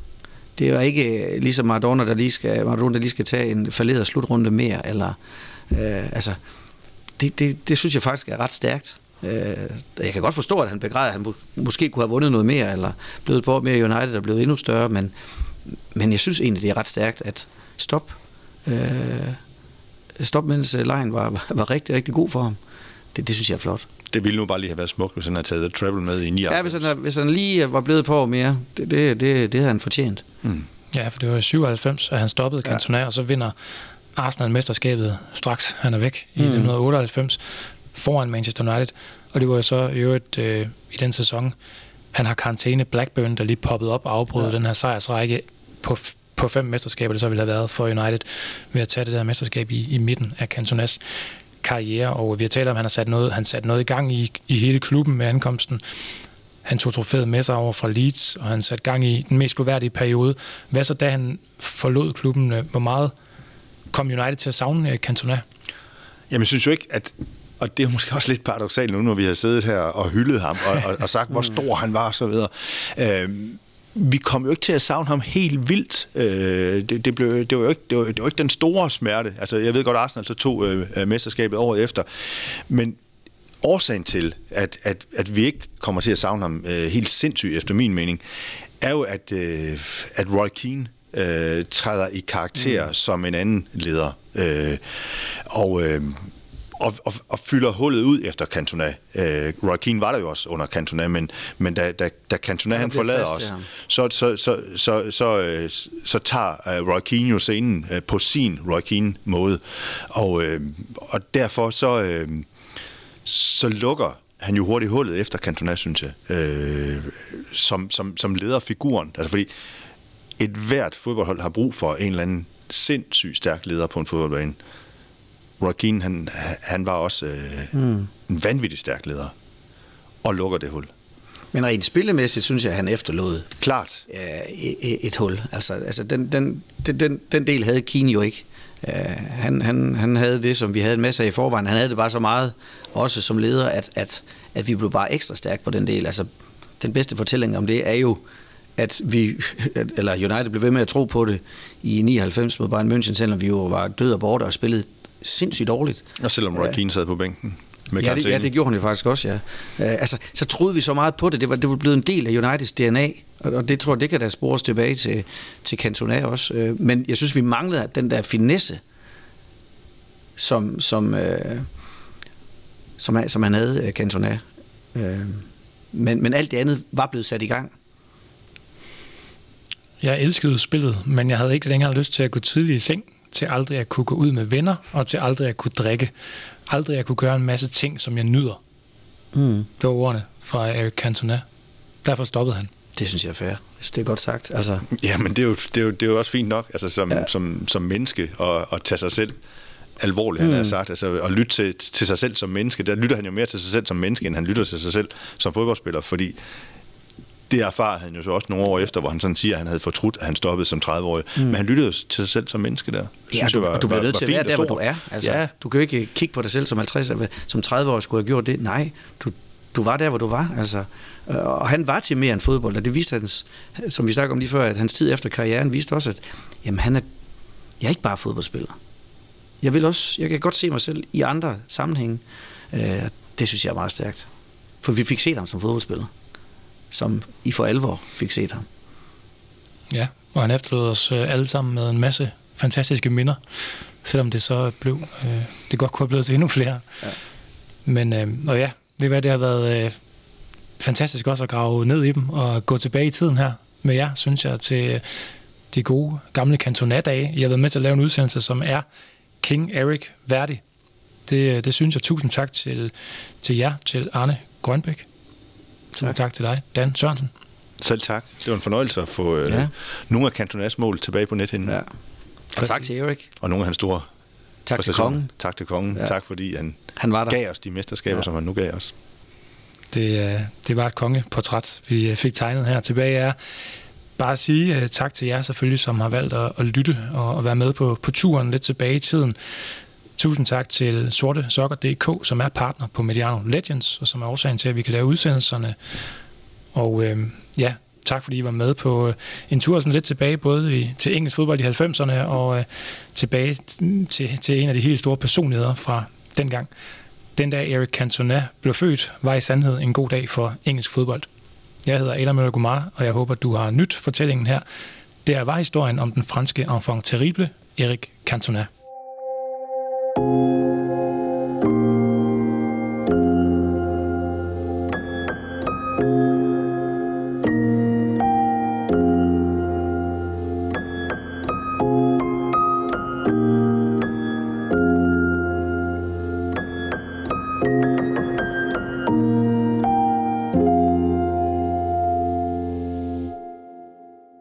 Denne udsendelse var produceret af Mediano Media og sponsoreret af Arbejdernes Landsbank, Medianos hovedpartner. Og så er vores nye partner, sortesokker.dk, partner på hele serien Mediano Legends. Dem hørte du også lidt om i udsendelsen, fordi de er en vigtig årsag til, at vi kan lave dette indhold.